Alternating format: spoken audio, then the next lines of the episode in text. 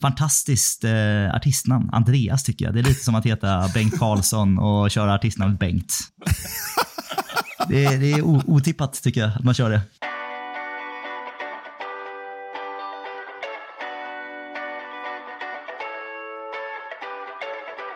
Can Manchester United score? They always score.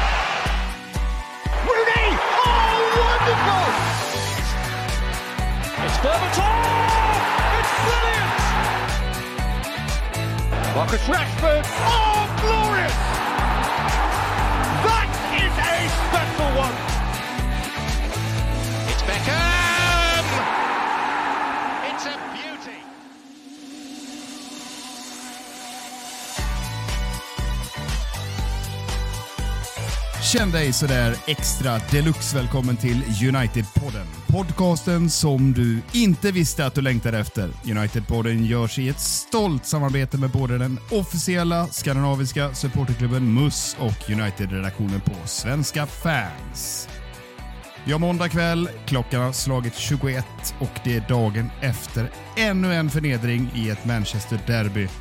Men det struntar United-paren fullständigt i och lanserar istället en supervecka med hela två avsnitt i pipen. Detta avsnitt släpps som vanligt på onsdag när du lyssnar på det här och på fredag kan vi utlova ett hejdundrande jubileumsavsnitt, nämligen United-poddens hundrade avsnitt. Folkets jubel! Återstår att se hur Gustav Kulle och Marcus Eriksson lyckas balansera blandningen av himmel och helvete som den här veckan innebär. Och på tal om det, Gustav, hur är läget egentligen? Men jag, jag mår ganska bra ändå tycker jag. Jag tycker jag ändå haft en förhållandevis bra United-vecka bakom mig. Eh, vi har, eh, jag, ty jag, tyckte ändå att man, vi tog två segrar och en förlust som man hade räknat in, så jag tycker att det, förväntningsbilden var där. Så jag känner mig, jag känner mig ganska bra slag idag. Budgeterat hos Kulle, vad säger Mackan? eh, är inte, inte riktigt lika nöjd som eh, Mr Kulle. Eh, men jag, jag, tror att du mest är mest nöjd över konserten du var på igår. Den, den liksom tar för stor del av den här optimismen du utstrålar. ja, Tyvärr. jag tycker jag ska börja där. Men jag har haft en bra... Jag fick först se en, en straffräddning live på Old Trafford här sent i, sent i slutsekunderna mot FC Köpenhamn. Vad som skulle vara en riktig en promenadseger blev ju inte det. Och så fick man istället ett, ett litet ögonblick där på Old Trafford, så det var ju härligt. Och sen så fick man avsluta veckan här i i söndags kväll då, med en otrolig jävla kulturell upplevelse. Jag vet inte ens hur man ska förklara hur det är att se Erik Cantona sjunga 21 låtar på spanska, franska och engelska i en liten intim teater en, en söndagkväll. Det är svår, svårsmält.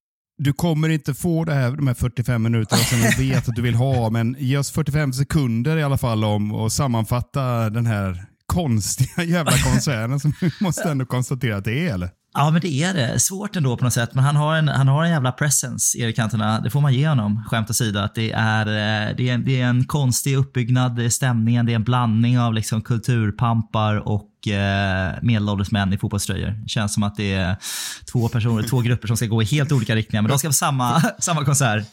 Får jag bara fråga dig Gustav, vilken grupp personifierar du dig i? Jag känner mig väldigt Sara Dannert, väldigt, väldigt kulturpamp liksom. Känner jag. Ja, så är det. Ah, där har vi det. Jag har längtat efter Vi har 99 avsnitt in och så har jag inte riktigt kunnat definiera det. har vi det. Kulturpamp. Ja, så är det. Men nu har vi ändå redan klippt alla, alla favoritbitar för vårt hundrade avsnitt, så det där hinner inte komma med. Så, så idag är det fritt, fritt spel, då får man säga vad man vill. Nej, så, så, är, så uppladdningen är konstig. Sen kommer han in och sen tar liksom Mr Cantona tar bara över eh, ett rum som ingen någonsin tar över ett rum. Man bara sitter där som en skolpojke och tänker att så här, här får man bara, man får bara åka med här. Det, det är Cantonas värld som gäller just nu och så är det i en och en halv timme. Då har man som sagt, han, han jobbar sig igenom sånger någon så jazz, jazzsånger på tre olika språk i en och en halv timme. Vid något tillfälle så ligger han ner på, på scenen och klappar scenen och tar upp någon imaginär blomma eh, och håller upp och pratar om förlorad kärlek. Och Det är fantastiskt tycker jag. Det här, det här mår jag bra på något sätt. Jag sitter och myser. Ja, det måste varit det ultimata, vad säger man då, antitesen till eh, det du bevittnade tidigare under dagen? Eller? Jag känner man, man hade glömt, eh, ja men det var som en kläns. Man hade glömt allt, allt ont i världen överhuvudtaget tror jag, när man kom, kom därifrån och åkte hem. Och när man gick och la sig sen så var det som, ja det var fint. Jag hade en bra känsla i magen. Så det var, nej, jag mår bra. Skulle du slå fast att Eric Cantona kan liksom gå in oavsett roll i Manchester United så skulle allting bara ordna sig eller? Erik Cantona får göra vad han vill. Alltså, han får göra vad han vill med mig och med vårt lag och med, med, med allt som står mig nära. Alltså. Så det, han har mitt fulla förtroende. Ja, helt otroligt. Vilken energi du skickar in i det här avsnittet. Mackan, ska vi eh, börja justera energinivån eller vad, vad vill du tillföra eh, från din senaste, eh, dina senaste dagar här? Du, det är fan inte mycket. Men jag, jag satt och funderade på det nu när Gustav sitter och berättar här om Cantonas lilla konsert. Det, det är inte många United-spelare man hade genom åren som, som, som liksom hade kunnat hoppa in som reserv ifall Cantona blir sjuk. Vad har, vi, vad, har vi, vad, vad har vi för gubbar? Vad har vi för gubbar som hade kunnat kliva upp på en scen och liksom bara äga rummet? Jag ser, jag ser ju inte, jag ser inte John Evans framför mig direkt. Johnny klarar allting. Harry Maguire, han hade stått där och pratat, pratat gott om sig själv i 21 låtar. Han hade, hade fattat bara folk en. gick. Det finns bara en. Patrice Evra skulle bara gå på och naila det där. Otroligt. Ja, mycket beatboxing och mycket spoken word. Ja, nej. Det får, vi får Cantona få hålla där. Kanske Berbatov ändå. Kanske. Ja, han har ju lite där i sig. Ja, men jag tänker mig eh, Berbatov i någon slags mindfulness-uppvisning. Alla, hälften av publiken somnar av välbehag. Eh, typ av, ja, någon sån här hypnosshow kanske. Så går han och tar allas plånböcker sen när han har hypnotiserat dem. Varför skulle han göra det? jag vet inte, jag fick någon sån här fördomar av bulgarer. Men, det, men så kan vi inte ha det. Ja, det är stenhårt. Ja. Ja, det är inte bra. Först, först Ken Sema och nu bulgarer. Ja, precis. Ja, det här, Ja, det här går bara ut på sekunder. Gamla kulturpampen. Den här klipper vi bort. Ja. Ja, vi tar sats tycker jag och går vidare.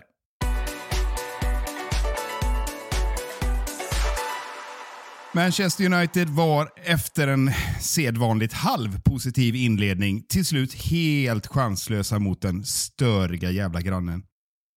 För att kunna artbestämma och ringa in detta odjur till match tar vi självklart hjälp av vår alldeles egna haverikommissionsverktyg, nämligen veckans macka. Varsågod, take it away Mackan.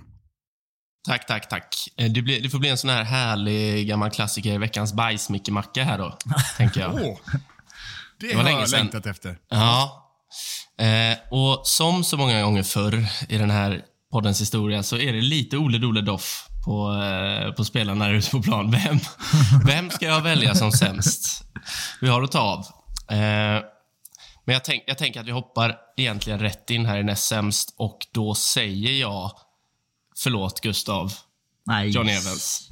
Och det, det, det här är ju inte, det här är ju på riktigt inte riktigt John Evans fel. Killen är 36 år och ska inte starta ett Manchester Derby eh, mot eh, Erling Haaland, Julian Alvarez, Bernardo Silva och Phil Foden. Han, eh, han hänger inte med helt enkelt och det visste vi och det vet nog han själv.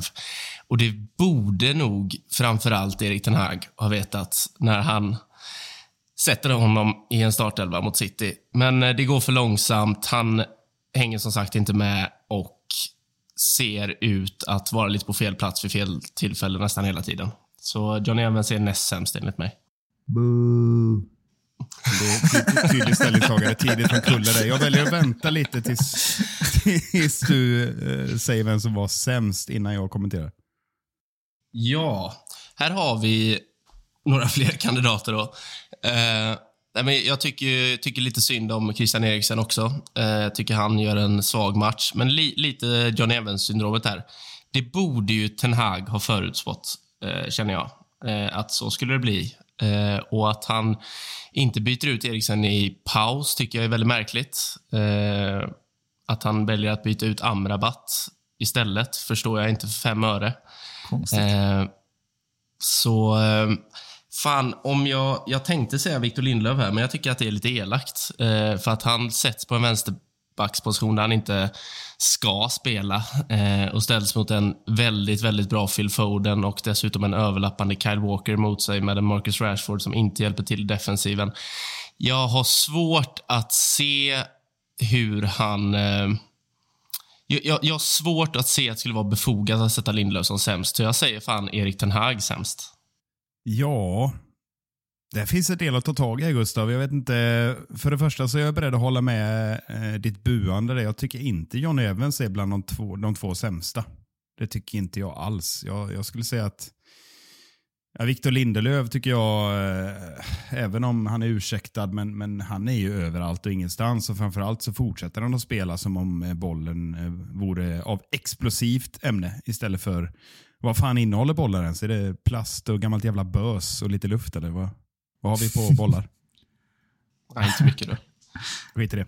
Nej, men jag, jag, jag tycker Lindelöf gör en katastrofmatch från början till slut och är, är liksom totalt... Eh, nej, jag vet inte. Jag vet inte vad jag ska säga. Och det faller under Ten Hag.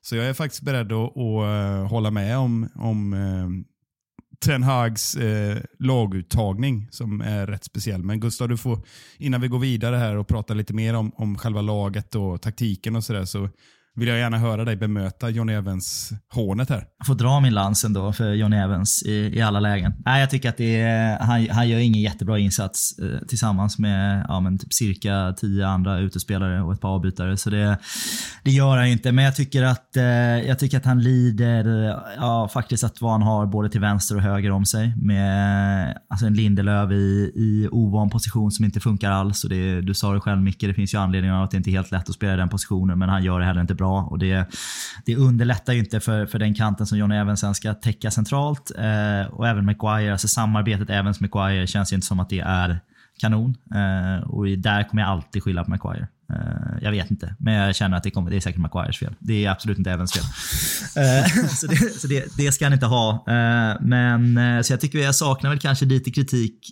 offensivt i banan. framförallt Bruno Fernandes tycker jag gör en supersvag insats igen eh, som han eh, många gånger gör. Bara försvinner när, när man verkligen behöver honom, en lagkapten. Eh, så jag tycker att han, han hade fått falla på den, eh, den kniven först tycker jag. Men eh, snyggt räddat upp med att det kanske är en liten coachförlust här ändå. Ten Hag gör ett par, par lustiga beslut.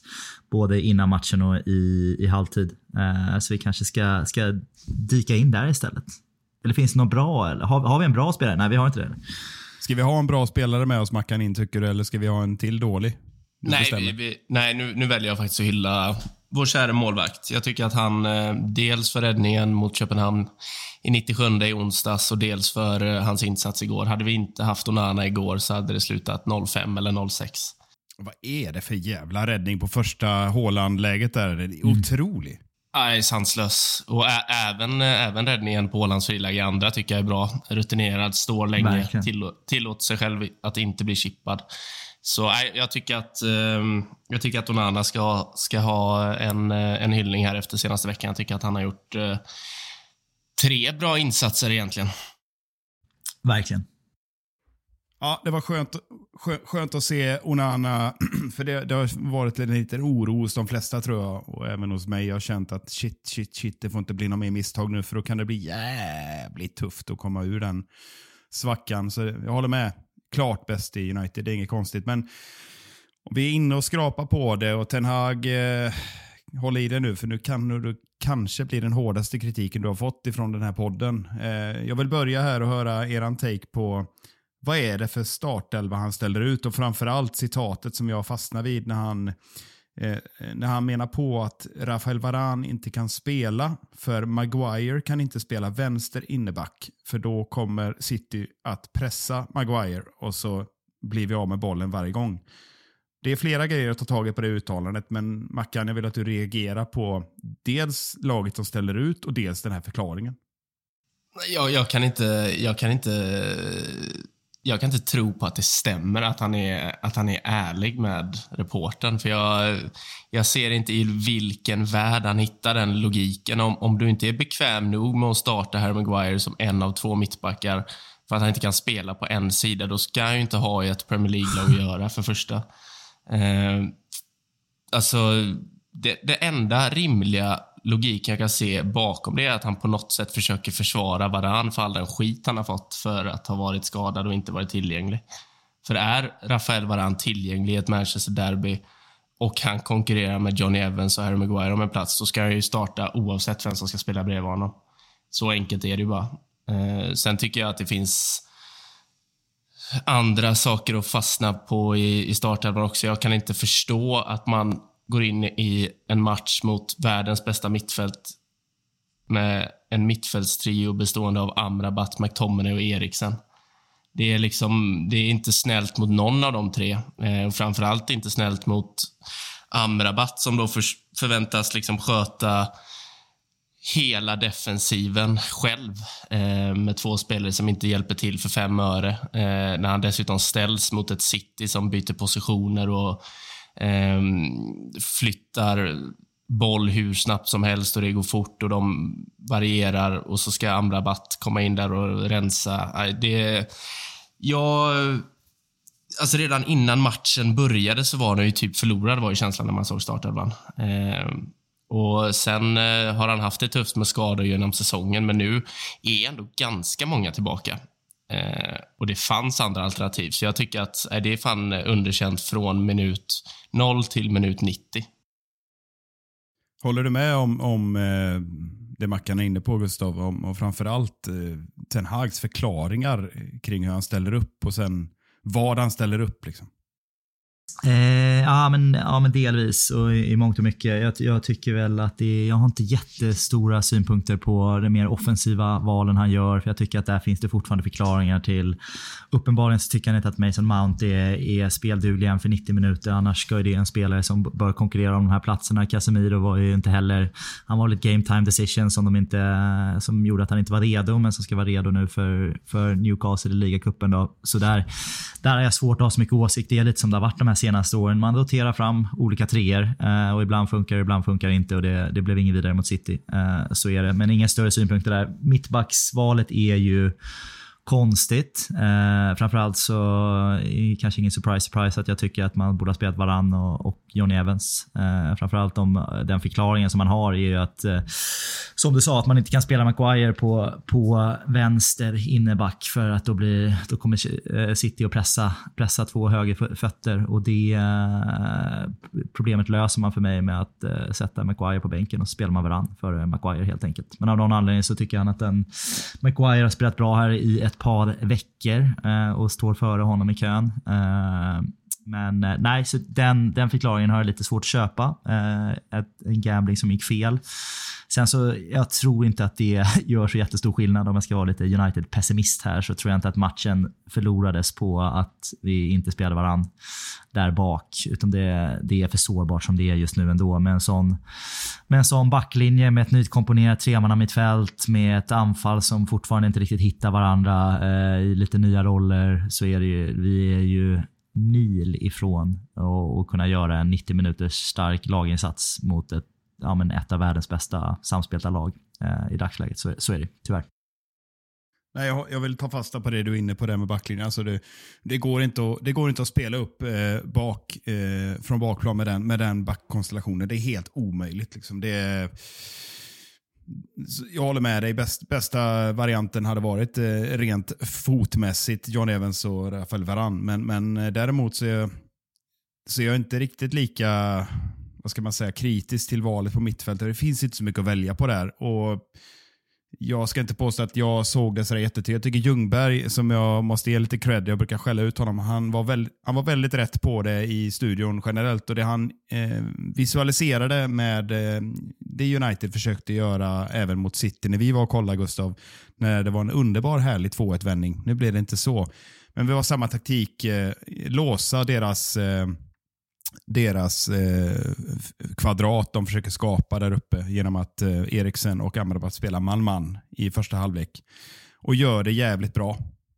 Eh, och, och, Det konstaterades ju också, det, den här jävla straffen som vi ska prata om strax, Eh, är väl egentligen det enda som City kommer till, för vi håller dem på utsidan och det är precis så man ska möta Manchester City. Så, så jag förstår det, det valet och jag förstår också att McTominay med form, en av få i form, som, som får starta och ska delvis styra bort Rodri och sen hota offensivt. Jag tycker han delvis lyckas med det, i alla fall i första halvlek. Sen, sen är inte McTominay en superstjärna vi ska bygga det här laget kring, men det är som det är just nu. Så men, men ut, utöver det så är det Eten Hag lite snett på det här han försöker med en taktik som uppenbarligen inte lyckas när City gör 1-0. Mm. Nej, men det här är ju en, det här är ju en matchtaktik och du säger själv referensen till när vi vann mot dem senast på hemmaplan här med 2-1 och faktum är att även, även den matchen så är vi ju närmare att förlora med 3-0 än att vinna med 3-1. Det är ju det är en match som vi egentligen går ifrån och konstaterar att den här matchen vinner vi inte med 2-1 eh, många gånger. Utan det är, det är, vi ska tacka ganska många lyckliga stjärnor att, att det är en 2-1 seger i den matchen och det är ju lite samma matchplan som Ten Hag Ten Hag har. Eh, och den, byg, den bygger ju på, på två, två stora risker. Och det ena är att man, man hoppas att motståndarna inte ska vara jätteeffektiva med sitt bollinnehav. Eh, och det är första halvlek så kommer vi nästan undan med det. Så när på slarvigt eh, försvarsspel som leder till straff som vi kan prata om strax. Och sen så hoppas man att vi ska vara hypereffektiva på våra tre omställningar som vi får per halvlek och göra minst två mål på de tre omställningarna. Och då, då gör vi det och då har vi slagit eh, City ett par gånger här senaste åren med, med Solskär också. Men det är ju inte jättehållbart i långa loppet utan det blir väldigt, väldigt reaktivt på hur Citys dag ser ut snarare än vår egen dag, tyvärr. Det är två saker att ta tag i här. Dels som du nämner omställningarna som vi har, men vi börjar med straffsituationen Mackan. Är det straff till att börja med och eh, hur många straffar måste blåsas om, eh, om det är straff?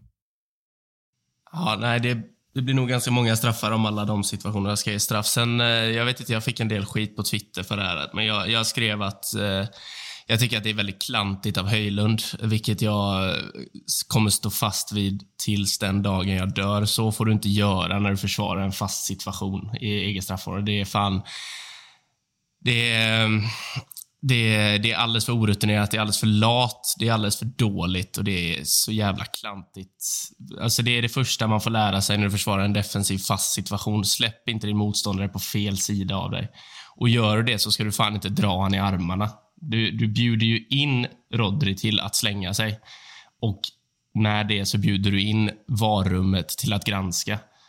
Eh, så jag vill bara ha det sagt. Det är så jävla dåligt och klantigt försvarsspel. Sen tycker jag att det är en jävligt billig straff, men eh, nej, det är klart att eh, det är klart att det Ska, ska, ska alla de situationerna bli straff så kommer eh, domarna få eh, blåsa 150 till 200 straffar varje säsong. Så det, det går ju inte.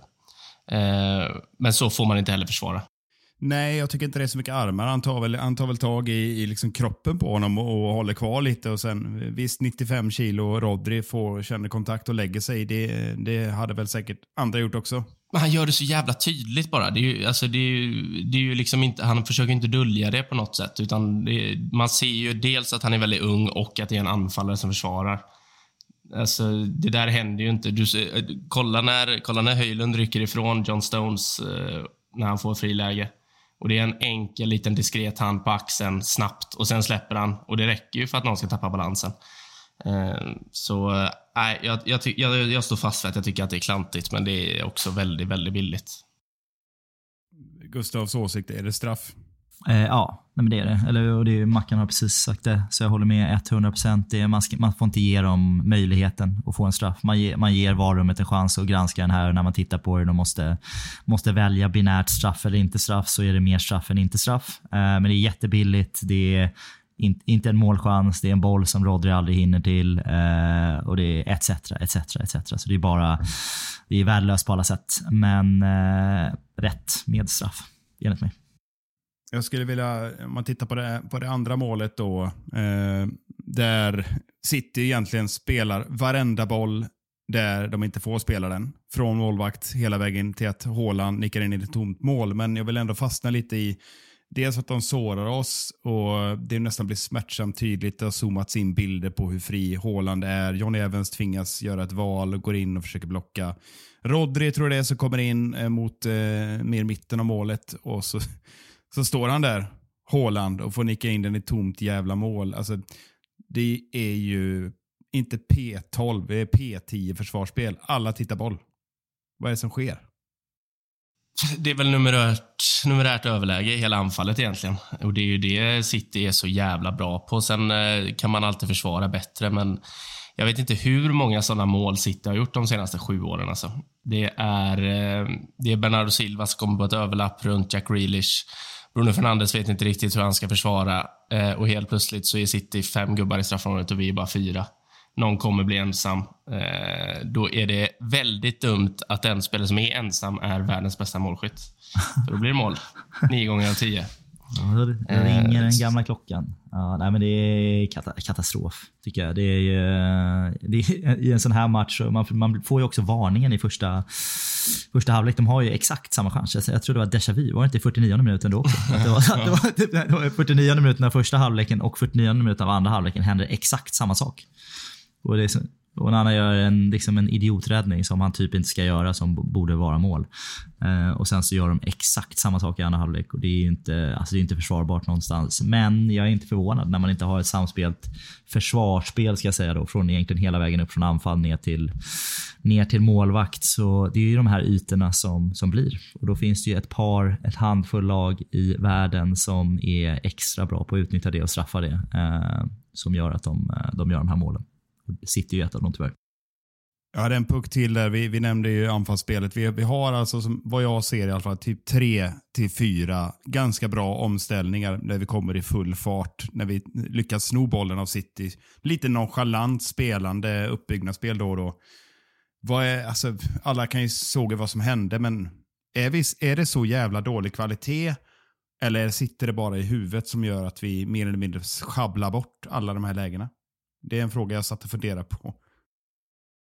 jag tror att det är, i dagsläget är en sån här form, formgrej. Du har anfallare som går ibland eh, 15 matcher utan att göra mål. Sen så börjar de göra mål och så helt plötsligt gör man mål i varje match. Så jag tror att United är inne i en sån, sån fas just nu. Eh, sätt på Rashford en, en vit Englandströja och Scott McTominay en, en blå, blå eh, skotsk och Höjlund en röd dansk så, så gör de mål de ska. Men just nu i United-tröjan så har det låst sig lite. Eh, och det är, det är en självförtroendesgrej behöver lite catch-up-effekt på den, att man börjar få, få in lite mål, att man får några matcher där man, eh, där man gör fyra baljer. Eh, I dagsläget så har vi liksom vi kan ju minst sagt säga att we saw it coming när vi gick in i den här City-matchen. Om vi tittar på de här två knappa segrarna som vi, ja, vi, vi, nästan inte fick någon av de här mot riktigt svagt motstånd. Både från Köpenhamn och från Sheffield United. Så det är ju, vi, har ju, vi, vi skulle behöva ett par, par lite bättre insatser för självförtroende tror jag. För det är, den här låga kvaliteten håller vi inte eh, individuellt i anfallsspelet som vi har just Känner vi att vi är nöjda där? Och, eller har vi något mer vi ska plocka upp från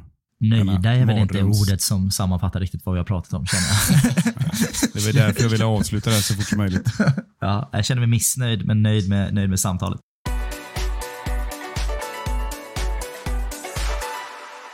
Succésegmentet Talk of the Town är tillbaka med tre påståenden med aktuella ämnen som vi helt enkelt diskuterar om de är sanna eller inte. Första påståendet lyder Spela Bruno som tia eller bänka honom? Eh, ja, men det känns som en relevant frågeställning. Jag kan väl känna, om man tar ett lite större grepp, så bitvis börjar jag bli lite trött på, på Bruno Fernandes. Eh, konstaterar snabbt, tittar igenom lite hans statistik och få vatten på min kvarn. Det känns som att han har liksom successivt blivit, blivit sämre och sämre. Han kom till Kom till United med buller och bak och gjorde 28, 28 poäng på 27 matcher säsongen efter gjorde han eh, 45 poäng på 58 matcher, ungefär hälften mål, hälften assist, typ. Eh, sen så har det varit 24 poäng på 46 matcher, 29 poäng på 59 matcher förra säsongen. Liksom, han har mer eller mindre halverat sin poängskörd de senaste två säsongerna jämfört med sin, sina första två säsonger. Och det har liksom inte, det har inte jag missat. Det tycker jag att man har känt och problemet med en spelare som Bruno är att han han är inte tillräckligt nyttig och bra i spelet utanför sin poängproduktion, eh, enligt mig. Vilket gör att det är, eh, alltså, han, han tar upp en plats som vi verkligen behöver eh, när han inte gör poäng. Och det är ju de här matcherna som jag tycker att man, man betalar för honom. Det är här han ska steppa upp och göra poängen som han inte gör så jag tycker, eh, jag är, inte, jag är inte nöjd med hans prestationer alls och det, det är mer långtgående än bara senaste månaderna. Eh, om vi går tillbaka till ursprungsfrågan, att han ska spela 10 eller bänkas. Ja, han är absolut ingen, ingen kantspelare. Sen så är det ju nu liksom, det är ju bara att välja mellan massa dåliga ting just nu med vem man ska sätta på högerkanten eller inte. Så, eh, men jag tycker, ska han spela ska han ju spela 10. Absolut inte spela högerkant. Där får han ju, där får han ju Eh, vara på bänken istället. Men å andra sidan har vi inget jätteval att, att sätta upp på en tia heller. Så det, jag tycker att man ska fortsätta spela honom. Men absolut inte ut på kanten. Mackan, har det att göra med... Eh, det, kan vi bara peka ut den här sluttande planet för Bruno? Att han har börjat tappa stinget eller beror det också på att han får spela väldigt mycket på ovana positioner, ska jag inte säga, men eh, på positioner han inte föredrar. Eh, om vi hade spelat honom som tia varenda match oavsett hade det, poängproduktionen sett bättre ut. Och jag vet att det är en hypotetisk fråga, men du förstår väl komma? Ja, ja, ja, ja, det tror jag absolut att han hade gjort. Sen, eh, alltså, det, det är så, vi har ju ingen högerytter. Det är ju Nej. helt sinnessjukt. Det, känns som vi har suttit och sagt det här i 16 år nu. Bara, fan, vi har ingen högerytter i laget. Hur, hur ja. är det möjligt? Ja. Eh, men eh, det, det, är också svårt. Så här. Jag lider lite med Bruno också, även om han ibland gör det väldigt svårt för en att sympatisera med honom. För att han gestikulerar ju mer än en liksom Cantona på scen. Eh, och då, då blir det svårt. Eh, men jag, jag, tycker ju inte att han är en högerytter och det tycker nog alla. Eh, samtidigt förstår jag så här bara, vem ska spela där? Eh, men eh, ska jag svara på påståendet så säger jag nog fan ja. För som det är nu så gör han ingen som helst nytta på högerkanten. Ja, intressant. Ska vi vidga Bruno-diskussionen ytterligare här innan vi eh, fullständigt eh, lägger domen huruvida han ska bänkas eller inte så är det ju läge att eh, spela in i diskussionen Roy Keens uttalande.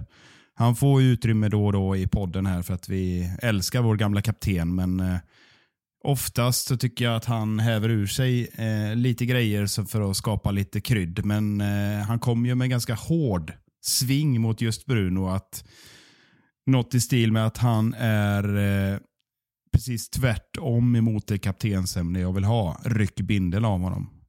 Vad säger vi på det? Håller ni med Roy Keane här?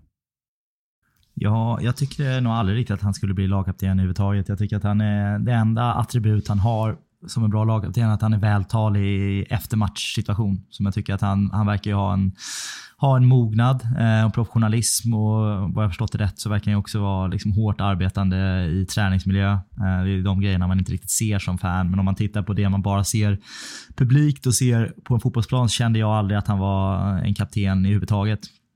Sen så är ju då problemet att man tittar på den här spelartruppen och känner att det, det kryllar ju inte med, med kaptensämnen. Uh, när man har liksom stripped it off Harry, Harry Kane, tänkte säga, Harry Maguire, uh, Harry Maldini som vi kallade honom efter Köpenhamnsmatcherna. Otrolig jävla. Ja, ingen kommer förbi Harry Maldini. Uh, och sen så, uh, nej, det, jag ser inte några andra supertydliga namn. Det, var väl, det kändes väl under en period att, kanske, att man skulle ge till Rashford, kanske mer för hans, hans engagemang i extracurricular activities i skol, skolverksamheten än fot, fotbollsplanen. Så uh, jag känner inte att jag har något sånt naturligt eh, val om det inte skulle vara Casemiro. Nu är han helt under isen. Eh, så Ja, jag, jag gillar inte valet som av Bruno, men jag kan inte komma på någonting bättre i stunden. Så då får det väl fortsätta vara så då, för min del. Men jag, jag, tycker att Bruno lite för ofta får klä skott när det går dåligt för United. Då är det alltid Bruno som får mest skit och det är väl, det är väl så det är när man är kapten för Manchester United.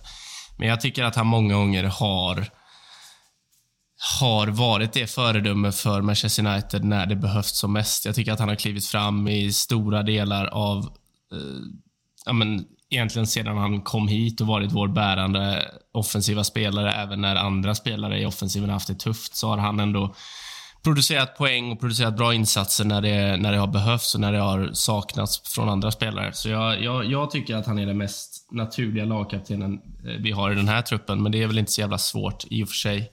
Sen tycker jag ju att hans eh, att hans gestikulerande är... Eh, alltså, det, det, blir för mycket ibland och det blir för tydligt och det känns som att allt fokus från honom går mot eh, att domaren gör lite fel och ehm, medspelarna passar lite snett. Och, alltså det, det, det, känns nästan som att han tappar fokus ibland och då försvinner han i matcherna och då får vi de här då får vi de här eh, panik-Bruno-insatserna där han liksom känner att han måste göra målen, han måste göra assist. Eller, alltså det, det blir inte bra på något sätt. Eh, men jag, jag har liksom ingen, jag har ingen spelare i den här truppen som jag kan bolla upp på uppstuds och säga men han är kapten istället. Jag såg, att, jag såg att på sociala medier folk skrivit Casemiro, men du kan inte ha en lagkapten i Manchester United som inte kan prata engelska. Det är, på riktigt, det, det går inte. Oavsett hur bra man är. 50-50. Casemiro talar språket dans och det, det kommer han alltid ha med sig. Sammans rytmer. Det där kommer funka. Alltså. Ja, och vi skrattade här, men vet alla vem jag syftade på när jag sa det där? Det finns ju någon annan som inte kunde engelska som har burit eh, binden. Valencia eller? Ja, Valencia har burit binden. Nej, men jag, jag får komma in här. Jag, eh, jag vill dela upp det här lite grann. Jag tycker liksom att eh, det är väldigt populistiskt utspel av Roy Keane när vi torskar ett derby. Vet han inte att Bruno är portugis eller? Vad brukar portugiser göra? De brukar vifta med armarna. Det, det händer någonting eh, och ju längre upp i Europa du kommer desto mer lama blir armarna. Typ så. Men, men förutom Romero som är extremt långarmad. Varför, varför kommer jag alltid tillbaka till honom? Får jag bara säga det? Alltså det finns ju något vackert med det här sydeuropeiska gestikulerandet, men det, Bruno tar det till en helt annan nivå. Alltså han, han gestikulerar med hela kroppen. Liksom. Ja, men det, det är han, han är sån som person. Jag skulle, det var det min, min andra grej skulle komma in på. att Bruno eh, spelar på en väldigt tunn linje i sitt humör. När det går bra för United så är han en utmärkt kapten med sitt sätt att alltid ta jobbet, alltid pusha på och mana på. Men jag håller med, när det går emot så visst, han får klä skott, men han får också klä skott lite på eget grepp. För då, som du säger, du, du är väldigt rätt ute det tycker jag Mackan. Han, han tappar lite fokus och det kan man inte göra som kapten. Men, men att gå, eh, mena på att någon annan kapten eh, aldrig har viftat med armarna. Men det är bara att titta på Peppe det, vilket rikspsykfall det är. Liksom. Han har ju varit kapten hur länge som helst i alla sina lag. Nej, så att jag vet inte. Jag, jag, jag, säger, jag landar i samma slutsats. Det finns ingen annan som kan plocka upp binden just nu. Om det är bra? Nej, det är inte bra. Eh, Rafael Varan kan aldrig starta, annars är väl han ett alternativ. Men Rashford, jag vet inte om det skulle hjälpa honom, men just nu så är det inte läge att byta kapten Oavsett vad Roy Keane säger, säger jag. Ska, ska jag också säga så att de som bollar upp Rashford, Rashford är ju typ i nivå med, Rashford, äh, med Fernandes på gestikulerandet och suckandet och äh, gnällandet när det går dåligt. Så äh, det är ju också ett uruselt alternativ. Jag, jag, vill bara säga det också att det hade inte förvånat mig om de här britterna i Sky-studion sitter och bollar upp Maguire där. Det har varit någon masspsykos på de brittiska öarna efter tre mediokra insatser av en alldeles för klumpig mittback om att han skulle vara Uniteds räddare. Alltså jag förstår ingenting. Så det var, det gjorde mig, jag ska inte säga glad, men det kändes så här bara, nej, där ser ni alla jävla idioter där ute som får frispel och stånd för att Maguire har gjort tre halvkassa insatser mot mediokert motstånd. Fan, lägg ner det snacket. Han är, han är halvkass liksom. Håll er vid det. Har det någonsin hänt att man blivit av med en bindel och fått tillbaka den? Eh, let, de som håller på att argumentera kan ju leta upp det exemplet och se hur i helvete det skulle gå till i en grupppsykologi då. ja, nej, men jag tycker Roy Keane är ju vass på det här med och Han var ute och försvarade Ronaldo och sånt. Um, när Ronaldo betedde sig som en tolvåring. Så jag, jag, tycker att han... Uh, han är väldigt snabb med att vädra sina åsikter, men han, han kommer liksom sällan fram till vad han har för lösning på problemet. Mm. Eh, det hade han inte. Nej, och det, det är ju liksom, det är bara dålig... Det är bara en dålig prestation om du sitter i en studio. Då får du komma med ett motargument. Kan vi, kan vi bara enas om att eh, personality inte alltid bara räcker, inte ens för Roy Keane? Nej, så är det.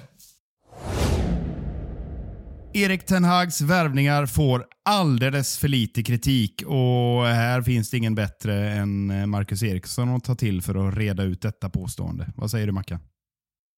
Ja, men jag, jag tycker det. Eh, och det jag, jag sitter här med värvningarna som har eh, genomförts sen eh, Ten Hag tog över. Så jag tänker vi, vi börjar med den första. Lite betygssättning också. Får vi en lite betygssättning? Ja, men det kan vi få. Eh, en klassisk 1 till 6. Tackar, tackar. Eh, Eh, Eh, då har vi Tyrell Malaysia.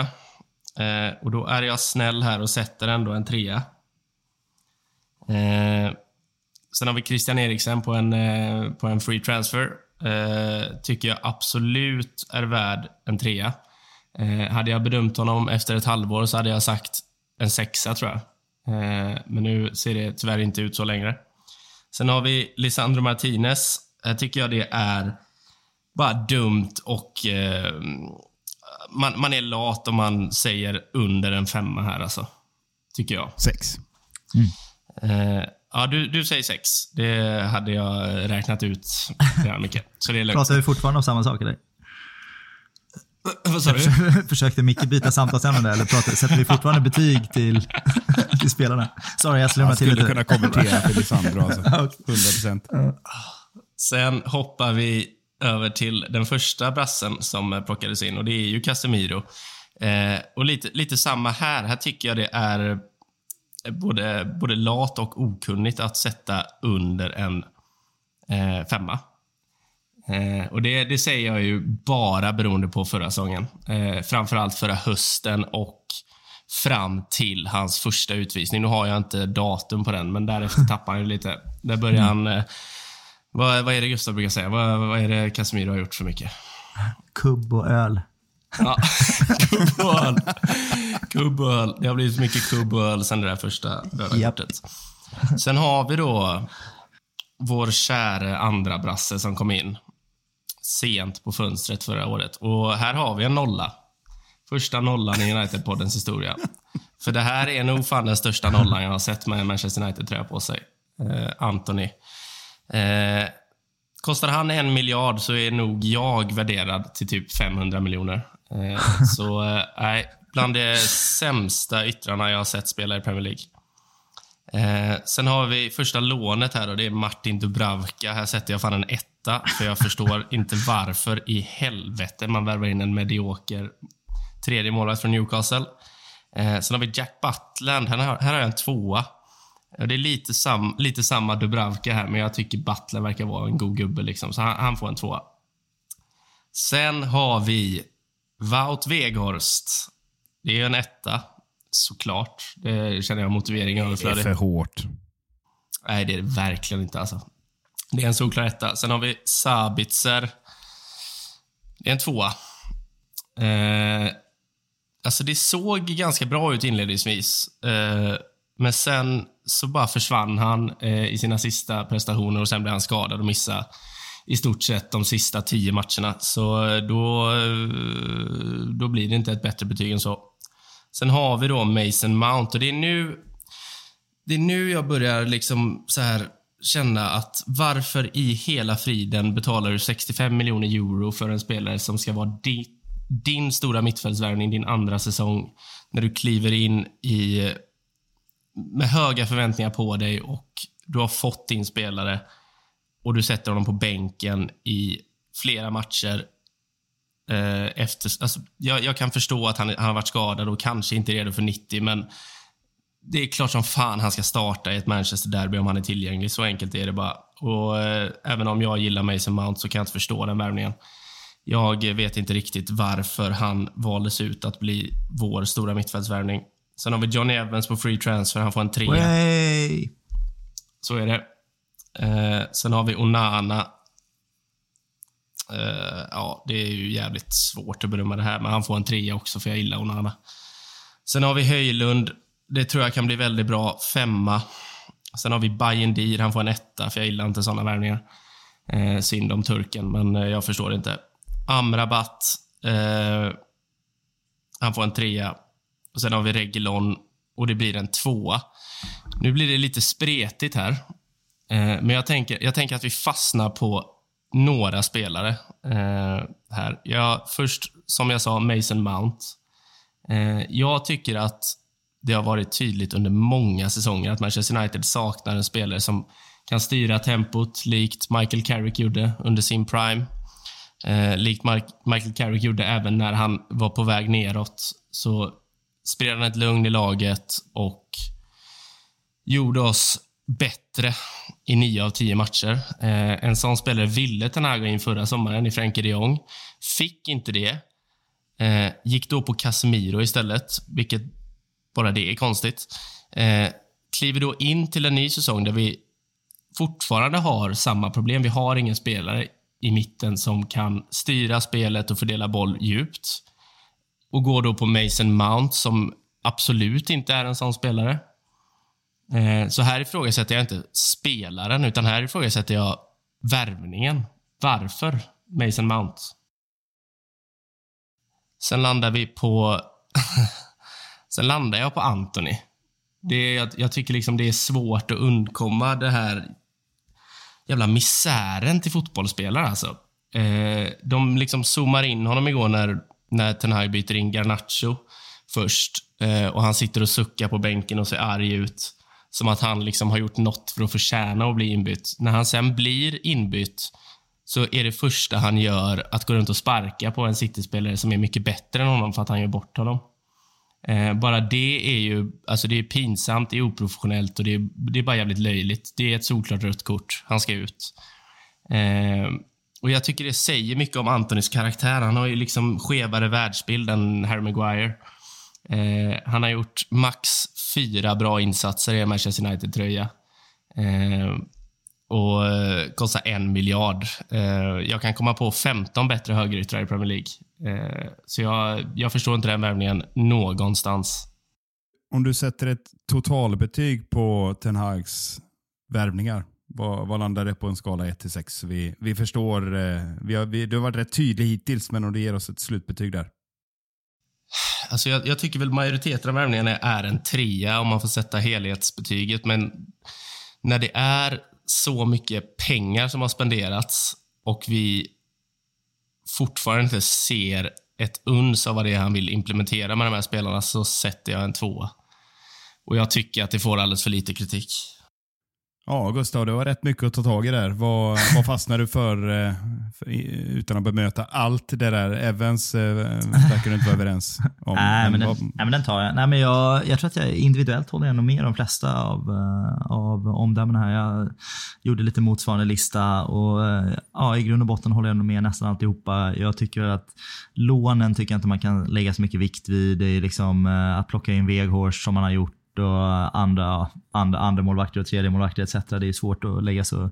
Man kan inte lägga samma vikt på de ettorna och tvåorna i, i betyg som man lägger på de spelare man har köpt för över 50 miljoner euro. Uh, men så i grund och botten håller jag med. Jag tror att om jag, om jag ska sammanfatta min bild uh, lite, lite rappare så tror jag att jag, jag har egentligen satt i grund och botten samma betyg, men jag ser det som att vi har att han har gjort 11 stycken nyförvärv eh, som man har köpt, spelare som man har köpt eller då Amrabat som ägs upp på lån, lån plus option. Och Då tycker jag att tre av dem är alltså bevisligen väldigt, väldigt bra. Eh, och där har vi då Casemiro som du har nämnt, Martinez som du har nämnt.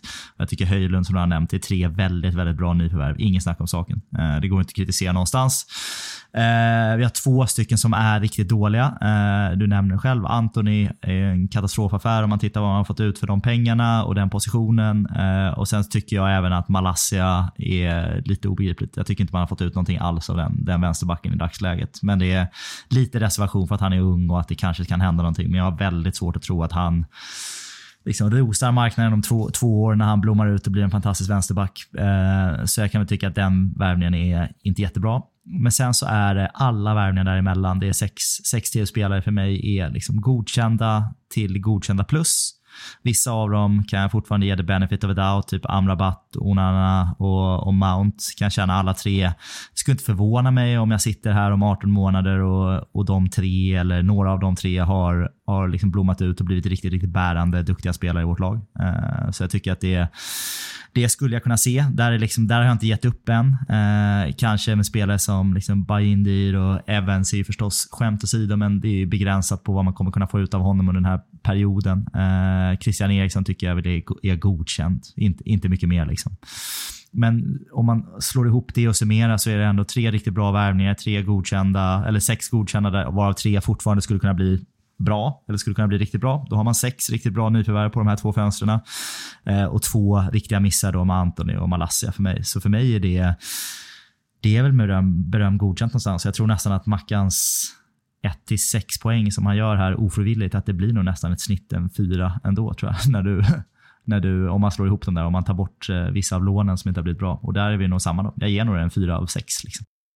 Ja, jag skulle vilja säga jag håller med om det, det betyget och jag, jag tänker inte dra någon längre utläggning mer än att eh, det är olyckligt att det är alldeles för lite träff på det här. Jag, jag tycker väl att, jag tror ju Casemiro har mycket mer att ge Hanna, Martinez och Höjlund, det är tre liksom, rakt i centrallinjen. Väldigt bra nyförvärv som jag tror att vi kan få anledning att ändra oss lite grann. Att det inte bara blir nattsvart framåt. utan vi får se vad som händer med Onana och Mount, men det, det är jag liksom inne på samma linje som dig Gustav. Så, vad summerar vi detta till då på en rak fråga eller ett påstående?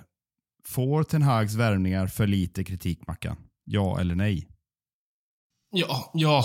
Shit. Satte uh, andan i halsen här. Gustav? Eh, nej, eh, jag tycker inte att han förtjänar så mycket kritik för sina två värvningsfönster, eller tre. Jag, jag tycker att han får väldigt mycket kritik för dem. Så jag vill liksom attackera premissen här på påståendet. Det, får han det? Det saknas, det saknas inte kritik för, på nyförvärven, tycker inte jag. Jag tycker det är alldeles för lite. Alltså, ja. alldeles för lite. Det är bara Antoni som man får kritik för. Resten uh, går under radarn. Liksom. Du har varit väldigt tydlig med detta Mackan. Stort tack för betygsgenomgång och uh, nu går vi vidare. Då har det återigen blivit dags för veckans Town Hall, men innan vi ger oss i kast med veckans hetaste ämne så tänker jag att vi summerar förra veckans påstående som löd.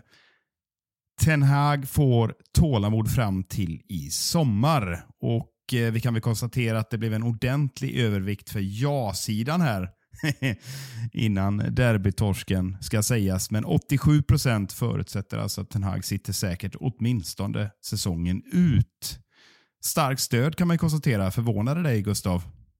Eh, nej, jag tror att vi är trötta på att byta, byta manager. Så jag tror att alla, alla ser, jag tror att det finns en viss förståelse för att eh, det har värvat spelare som har varit skadade och det har varit otur med avstängningar här. Att man känner att man vill se, se under en längre period hur det verkligen går när han får spela sina spelare, spela sina gubbar i 15-20 matcher i rad om möjligt. Så eh, jag tycker det är helt rimligt. Mm. Mackan, eh, har du fångat upp någonting från kommentarerna där som ändrade det Gustav var inne på? Eller hade du något annat gött bara helt enkelt? Jag hade lite annat gött. Jag tänker, jag, tänker jag, väljer, jag, jag väljer väl eh, två lite olika ingångar i det. Eh, kan börja här med Anton Jakobsson 2, som hans alias är på kära X. vi hatar ju inte när det är siffror med i namnen. Det älskar vi i podden. Anton Jakobsson den andra, kanske man ska uttala det. Jag vet inte. Eh, men han skriver ja och nej. Sparka inte om det inte finns en färdig och värdig ersättare. Men skulle någon av dem absolut någon av dem absolut. Anton Jakobsson den andra har strulat till det med meningsuppbyggnad här. Jag får läsa om. Jag ber om ursäkt. Ja och nej. Sparka inte om det inte finns en färdig och värdig ersättare. Men skulle någon av dem absolut toppskiktet det blir fel här. jag, jag vet inte. Det, det, här, det här är inte bara. Antons fel längre känner jag. Skulle, nu, skulle, ja. Jag antar att han har glömt, eh, men skulle någon av Nej, nu har jag tappat det fullständigt. Jag har blivit blind av den här meningen. Skulle någon av tränarna från världens toppskikte. Vad fan har han skrivit? Skulle någon Det här är stark podd nu alltså. Skulle någon av... Okej. Okay. Skulle någon av världens bästa tränare uttrycka intresse så tycker jag man ska göra som Bayern och ta chansen direkt. Fan, det tog en jävla tid innan jag nådde fram till mål där. Snyggt. Eh, Kändes eh, Förståelse 1A. Ja, fan jag är riktigt dålig när det har strulat ihop sig med meningsuppbyggnad. Alltså då, då får jag liksom dyslexi gånger tusen. Eh, Okej, okay. och så tar vi också eh, en från andra hållet då. Richie Royal, vår kära Richie Royal. Han är god. Han skriver... Hattrick nu. Tre raka mm. poddar nämns han i. Men han kommer med bra inspel alltså. Det, jag gillar det. När ska vi ha tålamod, tålamod med tränare egentligen? Vi har haft fem tränare plus två interim på tio år och ingen har fått ordentligt med tid att få bygga laget så som han vill ha det. ETH har fått, har fått ärva spelare från tre olika tränare, så jag förstår att det ser schizofrent ut. Ja, men det fångar väl egentligen eh vad ska man säga? De är väl inne på samma linje här. Styrker väl 87% eh, mobben som ändå tycker att eh, Ten Hag får fortsätta. Med det så tycker jag det är väl läge att glida över på veckans Town Hall som lyder. Kvalitetsmässigt är denna trupp inte topp 6 i Premier League. Och Mackan, du får äran att börja här också. För jag, det är du som har skapat detta. Ja. Skrivit lite i affekt efter gårdagens uh, insats känner jag här. Dagens understatement presenteras Ja, av Marcus Eriksson. Sex lag Nej, men- som är bättre. Så här, så här. Eh, jag, jag sitter och kollar. Premier League har ju blivit bättre. Absolut, det är många, många, många bra lag i den här ligan. Det är liksom, nu sparkar jag in otroligt öppna dörrar här. Eh, men jag tänker att vi kan kolla på våra konkurrenter.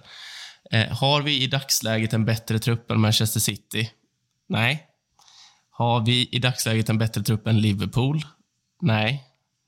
Har vi i dagsläget en bättre trupp än Tottenham?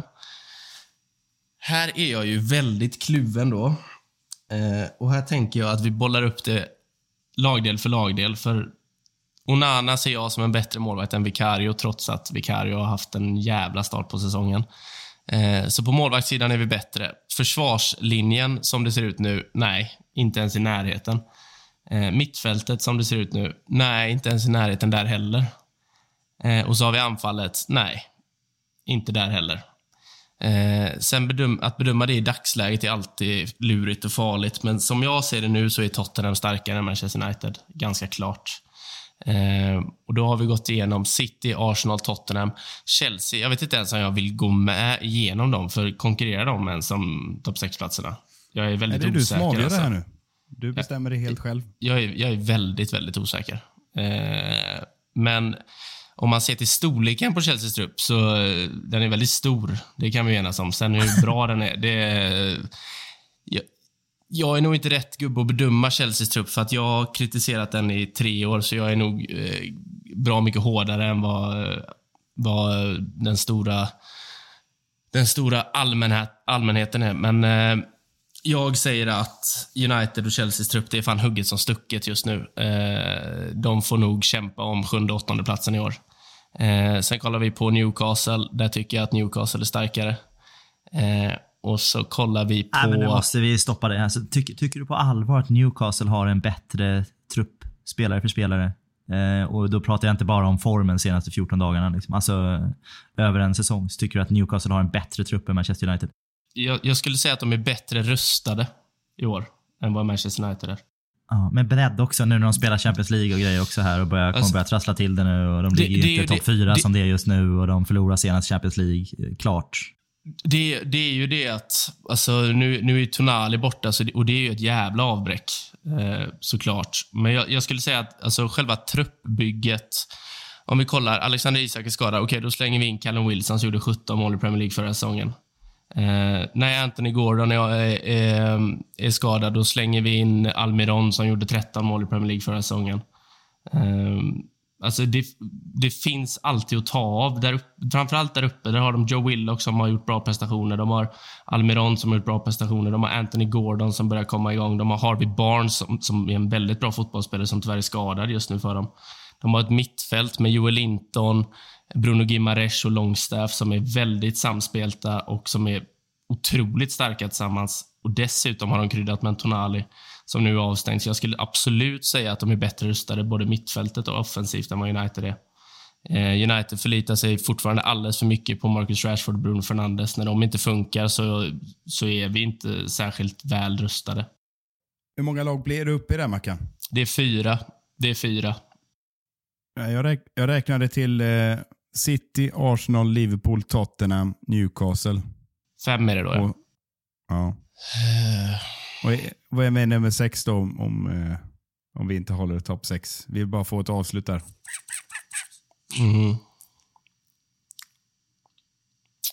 Nej, jag vet fan inte. Jag är väldigt kluven här. Men jag skulle säga att, jag skulle säga att vi är... Jag skulle säga att vi är... Har femte slash sjätte bästa trupp i, i Premier League. Jag skulle säga att lagmässigt så är vi nog inte det, men truppmässigt så är vi det. Ja, li lite förvirrande här eh, eftersom du blandar in form och inte skador till exempel. Eh, applicera motsvarande skademängd på eh, kanske inte City och ja, men inte City då, men resten. Hade du liksom haft samma diskussioner jag, jag, ty, jag, Liv? tycker att, jag tycker att vi snör in alldeles för mycket på skador hela tiden. Alltså jag, jag är så jävla... Det spelar ingen roll. Jag är så, jo, men det är klart som fan det spelar roll. Men man måste också sätta det i perspektiv. Vilka spelare har Brighton skadade? Vilka spelare har, eh, hade Liverpool skadade förra säsongen? Vilka spelare hade Tottenham skadade förra säsongen? Alltså det, det, man kan snöa in på skador hela tiden. Det är ju en del av sporten. Eh, när vi har skador så sätter vi ihop elva spelare som ser ut att inte ha gjort en match tillsammans tidigare. När Brighton har fem gubbar skadade slänger de in fyra ecuadorianer och en, eh, en engelsman som spelar som, eh, som de inte har gjort något annat i hela livet. Liksom. Eh, så jag, jag tycker att bedöma Bedöma trupp är en sak, bedöma, bedöma hur bra ett lag är en annan femma. Det är därför jag säger att till exempel Newcastle, det bygger ju på hur samspelta de är. Joel Linton är ju en sämre fotbollsspelare än Casemiro, McTominay, Eriksen och Amrabat. Men i ett Newcastle så är han ju bra mycket bättre än vad samtliga spelare i United har varit den här säsongen. Så är det ju bara. liksom. Så det, det blir skevt oavsett hur man ser på det. Jag skulle, jag skulle kunna säga att Aston Villa den här säsongen är lika bra som Manchester United. Liksom, beroende på hur samspelta de är. Så det, det blir skevt oavsett hur man säger det. Nu, nu var ju kvalitetsmässigt i denna trupp inte topp 6 i Premier League, så skicka den till Gustav då, som får eh, tycka till. Ja, nej, men det, ja, det finns en hel del jag håller med här förstås, men det, det blir ju snurrigt. Jag tycker det är jätteviktigt att hålla isär alltså vad kvaliteten i truppen och då handlar det väl om vad man tror att den individuella kapaciteten är per spelare. Eh, om vi får ut den eller inte. Eh, och Sen så har vi en helt annan fråga om vilken form vi är i, vilka spelare vi har tillgängliga och hur nära vi är vår maxkapacitet i hur vi presterar. Det är väl ingen som tittar på Manchester United just nu och känner att så här, ja, men vi är ganska nära vår maxkapacitet. Vi behöver tio nya spelare för att konkurrera. Utan om man tittar, tittar på vår, vår trupp och tittar på de här spelarna och det är det som liksom, det här har ju tyvärr varit återkommande i, ja, men ända sedan Ferguson lämnade egentligen. Att det känns som att summan av de individuella delarna i vårt lag är lägre än än summan av, liksom, ja, men av vad individuellt, vad, hur, vilka kvaliteter vi har. Vilket gör att vi ser spelare som presterar bättre i sina landslag eller har presterat bättre i sina tidigare klubbar eller i värsta fall presterar bättre i sina nästa klubbar när de, när de lämnar Manchester United. Och det här är ju det, är det här vårt stora problem är. Vilket gör att jag tycker att premissen på en sån här fråga är eh, att om kvaliteten i truppen är att vi inte skulle vara topp 6 skulle jag verkligen slå ner med en gång och säga abs absolut inte. Utan vi, vi är verkligen, alltså kvaliteten i den här truppen är för mig utan tvekan en, alltså en topp 4 plus. Alltså vi är, Manchester City är i särklass bäst. Eh, men efter det, jag skulle börja liksom halta redan på Liverpool och säga att vi spelare för spelare är vi, är vi ungefär samma nivå som alla förutom Manchester City där i toppen. Eh, om inte bättre. Och framförallt om man jämför med, för mig, Newcastle, Aston Villa och Brighton kan du skriva av med en gång. Tottenham kan du för mig skriva av med en gång. Just nu är de i max, maxform och alla spelare ser jättebra ut. Ger det tio omgångar så kommer, kan det här se ut som ett mittenlag och det kan se ut så i tre år framöver. Så det är liksom, jag är inte övertygad om att Tottenham är någon here to stay bara för att de har haft tio bra Premier League-matcher nu här i början av säsongen. Arsenal börjar väl, jag får väl motvilligt säga att de börjar få till ett bygge nu med bra nyförvärv, en bra sommar också. Men samma där kan jag känna de har inte heller liksom byggt en kvalitetstrupp lika länge som City har gjort. Eh, så jag tycker fortfarande att den är ganska den är ganska rucklig eh, och Liverpool är någon typ av om, ombyggnation. Så jag tycker absolut inte att vi ska skämmas för oss själva och tro att vi eh, är någon liksom, Premier Leagues sjunde bästa trupp här. Utan individuellt så har vi, har vi en topptrupp som vi inte har dels inte kunnat ha tillgänglig och dels inte lyckats spela ihop och dels inte lyckats få ut de bästa individuella kvaliteterna maximalt. Och Det är där den stora utmaningen ligger för Ten Hag. Och Frågan är om han kan, han kan få det. Om han kan få ut det mesta av Bruno, Rashford, Garnacho, Höjlund eh, och en backlinje samtidigt så vet vi att vi har, vi har köpt en målvakt som var en av världens bästa målvakter förra året. Vi har backar som har vunnit Champions League och eh, varit liksom Världsledaren Luke Shaw, en av de bästa vänsterbackarna i världen och Casemiro etc. Vi kan gå igenom spelare för spelare och titta på deras toppnivåer senaste åren eh, och konstatera att vi har, har en trupp som borde kunna vara med och gå till kvartsfinal i Champions League varje år. Eh, enligt mig. Och vara liksom topp 8 i Europa. Eh, sen så har vi, vi har hål att fylla. Sorry, lång utläggning. Men vi, det finns ju hål att fylla på en högerkant. Eh, om man tittar på vad som har hänt med Antoni som inte har funkat och Sancho som vi har haft våra problem. Och vi behöver absolut en, eh, ett till alternativ eh, till Höjlund som, som är nummer nio. Men annars, utöver det, så tycker jag att vi har, vi har en stark trupp. Två eh, gedigna utläggningar från var och en av er. Jag väljer därför att hålla det här kort. Jag skulle säga, jag håller med, det är Manchester City som är solklar. Sen är vi på ish samma nivå truppkvalitetsmässigt som Liverpool och Arsenal. Men just nu så ligger de före oss, så är det. För att vi har ingen form och de har form. Får jag bara ställa en motfråga då? Snabbt. Jag ska inte fastna i det här för länge. Liksom. Men om vi ser inför matchen igår, vilka, vilka spelare missar matchen igår? Det är Lisandro, Luke Shaw, Casemiro, Wan-Bissaka. Wan-Bissaka. Eh, sen skulle jag väl inte säga att Wan-Bissaka är så uppenbart ordinarie som de andra tre kanske är. Eh, men att vår trupp då är så skral med tre slash kanske fyra startspelare borta. Att vi startar med Johnny Evans, Harry Maguire och Scott McTominay i vår största Premier League-match på en säsong. Hur är det möjligt? Att vi då är solklar topp fyra i Premier League när man startar med tre så pass Nej, men det, är, mediokra men det är ändå, spelare. Liksom. Det är ändå unheard of att det liksom... Jag tycker du, du förskönar det lite där. Det är ändå i grund och botten tre av fyra startspelare i backlinjen som är borta. Och om vi då egentligen skulle kunna säga fyra av fyra, om vi säger att Varann är, har varit småskadad och kanske inte helt fit for fight. Nu pratas det om det var, att det då var kanske ett taktiskt val, men han är uppenbarligen inte, han har inte spelat tio matcher i rad frisk i alla fall, så man kan ju diskutera vad... Så i, i praktiken är det ju nästan till fyra av fyra backar som är borta och jag vet inte, ge, ge mig ett lag i toppen som kan ta bort alla sina fyra första backar. Exakt. liksom, och, och vara bra. Jag, jag kan inte komma på ett enda. Liksom. Och sen ta bort den defensiva mittfältaren också som är den, då den femte försvarsspelaren. Eh, så, så tror jag att det, det blir lite skört även för Ja, det skulle vara Manchester City då, som typ inte i grund och botten i mitt, min mening har jättebra backar till att börja med. Så de kör ju en sån här Barcelona-taktik att de bara har bollen på motståndarens planhalva och fantastiskt offensivt spel och gör sex mål så det funkar ändå. Liksom. Men eh, utöver det så tror jag att det finns inte ett lag som klarar att ha fyra backar plus sin defensiva mittfältare borta och spela bra. Nej, och jag skulle vilja, jag skulle vilja ha, äh, ta om den diskussionen om 15 omgångar. Om det ser fortfarande exakt så här jävla uselt ut, vilket jag inte tror, när United har alla tillbaka, då, då vill jag ha den här diskussionen igen. För att man måste för fan ta hänsyn till det. Jo, men det har inte sett så här uselt ut, men det har inte sett bra ut sen ligacupfinalen. Och då har vi haft våra, vår, då har vi, i, alltså i 90 procent av matcherna så har vi ändå haft den till, bästa tillgängliga elvan. Ja, ja, jag tycker du, jag måste fan, nu måste jag gå in och hindra dig. Du har sagt det tolv gånger nu, det här med ligacupen. Det är ditt narrativ, du har satt det hårt. Jag håller inte med. Så katastrof var det inte varenda match. Det var, det var absolut inte katastrof, men jag kan komma på max tre bra insatser som jag gjort sedan dess. Jag håller med om att det vore bättre vi kom, eh, hade kommit längre, men vi uppdaterar oss med motsvarande siffra förra året. 19 poäng hade vi efter 10 matcher, nu har vi 15. Det är 4 poängs skillnad trots 2500 miljarder skador och eh, en massa annan jävla turbulens. Så att jag tycker vi andas djupt och sen eh, kommer vi fram till att vi inte är överens på den här punkten.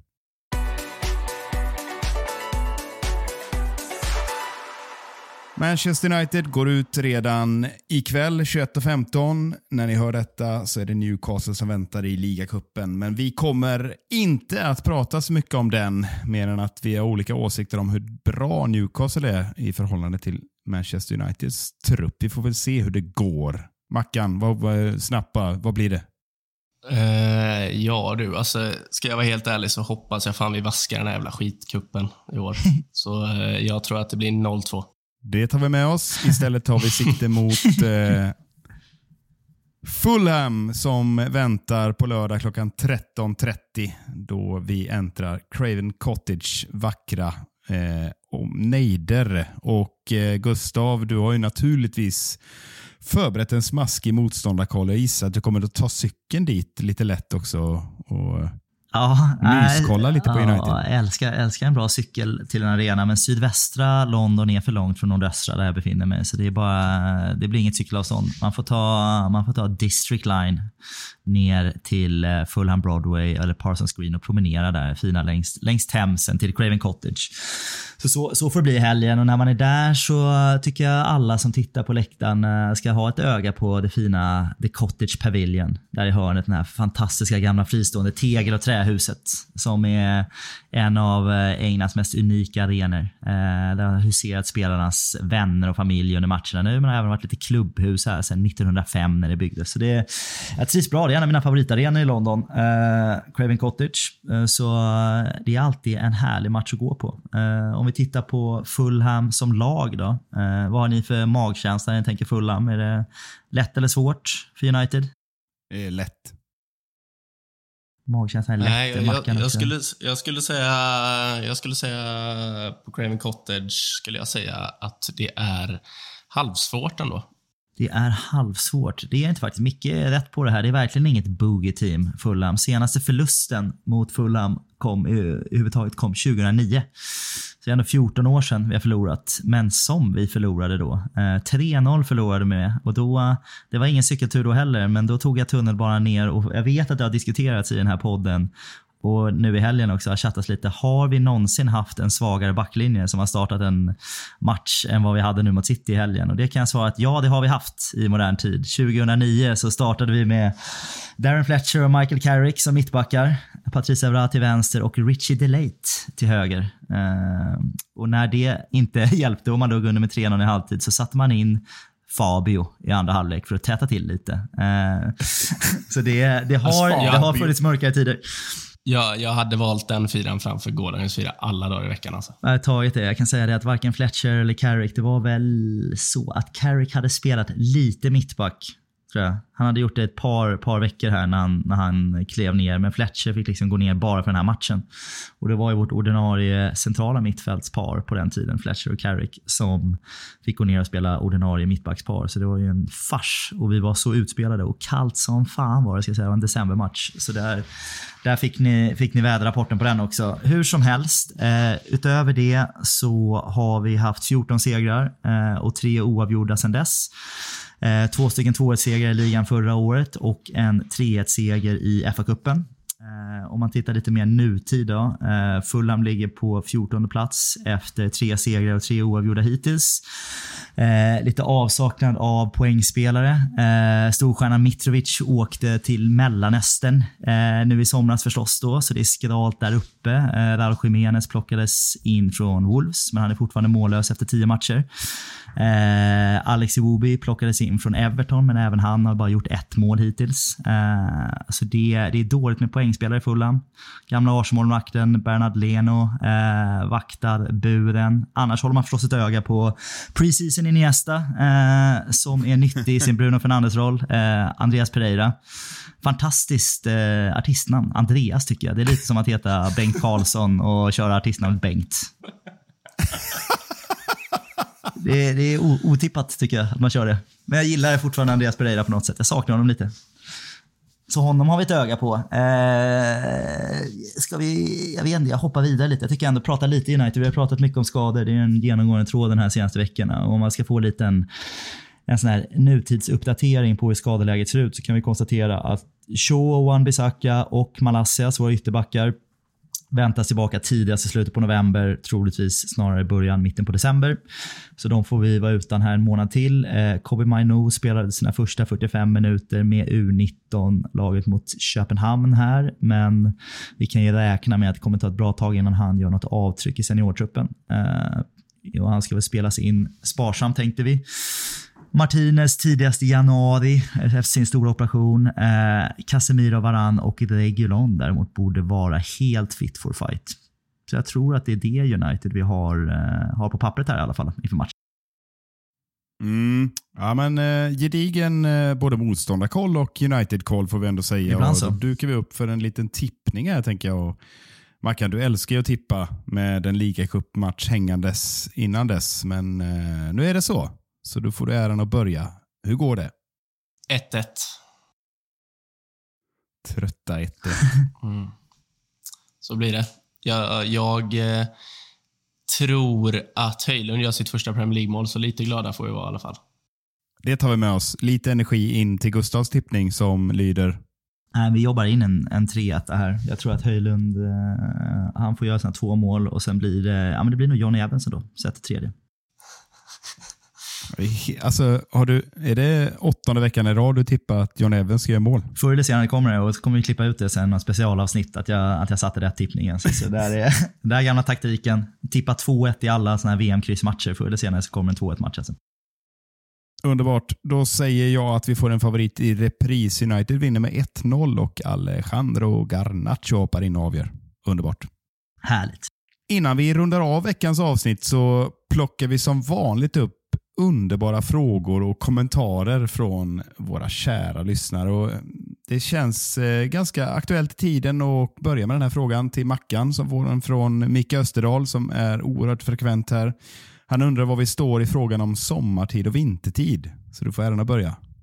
Du, jag har sett att det är någon jävla fråga kring det här. Jag kan inte bry mig mindre om jag ska vara helt ärlig. Ja, vad tråkigt ändå. Det här är stora frågor ändå. Jag säger sommartider hej hej, vintertider nej nej. Eh, så det tycker jag absolut vi ska, ska stanna på bara en tid. Bra, bra fråga Micke, mer sånt. Då säger jag exakt tvärtom. Stanna på vintertid. Det är oerhört förvirrande den jävla sommartiden man ska hålla på med utemöbler eller något sånt skit. Eh, och så blir man jävligt trött. Men den här timmen gillar man ju när man får sova lite Jag, längre. jag tycker liksom att det är, mycket, det är mycket varmare på sommartiden, så jag skulle vilja ha det mer året om. Så jag tänker vi kör sommartid året om. Ja. Ja, vi har redan avhandlat Johan Linds fråga. Har United ställt upp med en sämre backlinje i modern tid? Gustav tycker det, Mackan tycker inte det. Jag tycker väl ingenting. Det är väl oavgjort där. Patrice Evra var med i den första backlinjen och det gör det hela jämnt. Annars så, så såg det illa ut för 2009-upplagan. Vi skickar en liten sköning här till eh, Mackan. Olof Hägglund, eh, eller Hagglund till och med, heter han. Orkar folk ens lyssna längre? Och det är oklart vad han menar här. Eh, jag vet inte.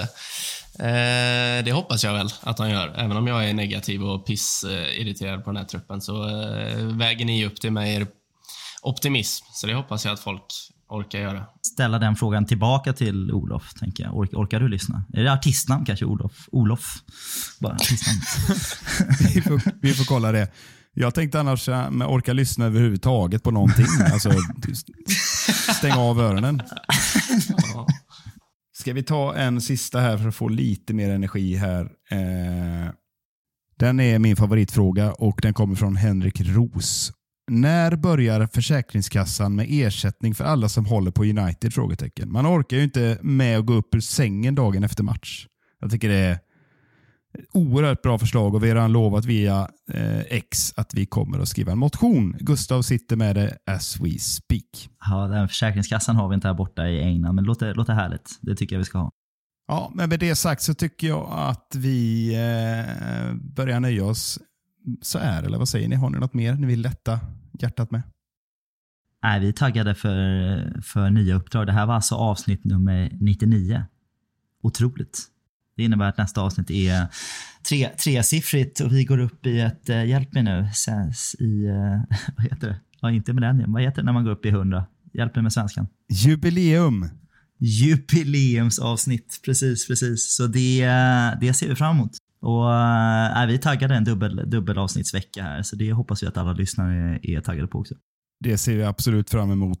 Då börjar det dags att runda av veckans avsnitt. Det här avsnittet gjordes i ett stolt samarbete med United-redaktionen på Svenska fans och den officiella skandinaviska supporterklubben MUS. Om du vill resa till Manchester, bli då medlem i supporterklubben MUS på mus.se och få tillgång till deras 500 säsongskort på Old Trafford. Tack till Gustav och Mackan och framförallt tack till er som har lyssnat.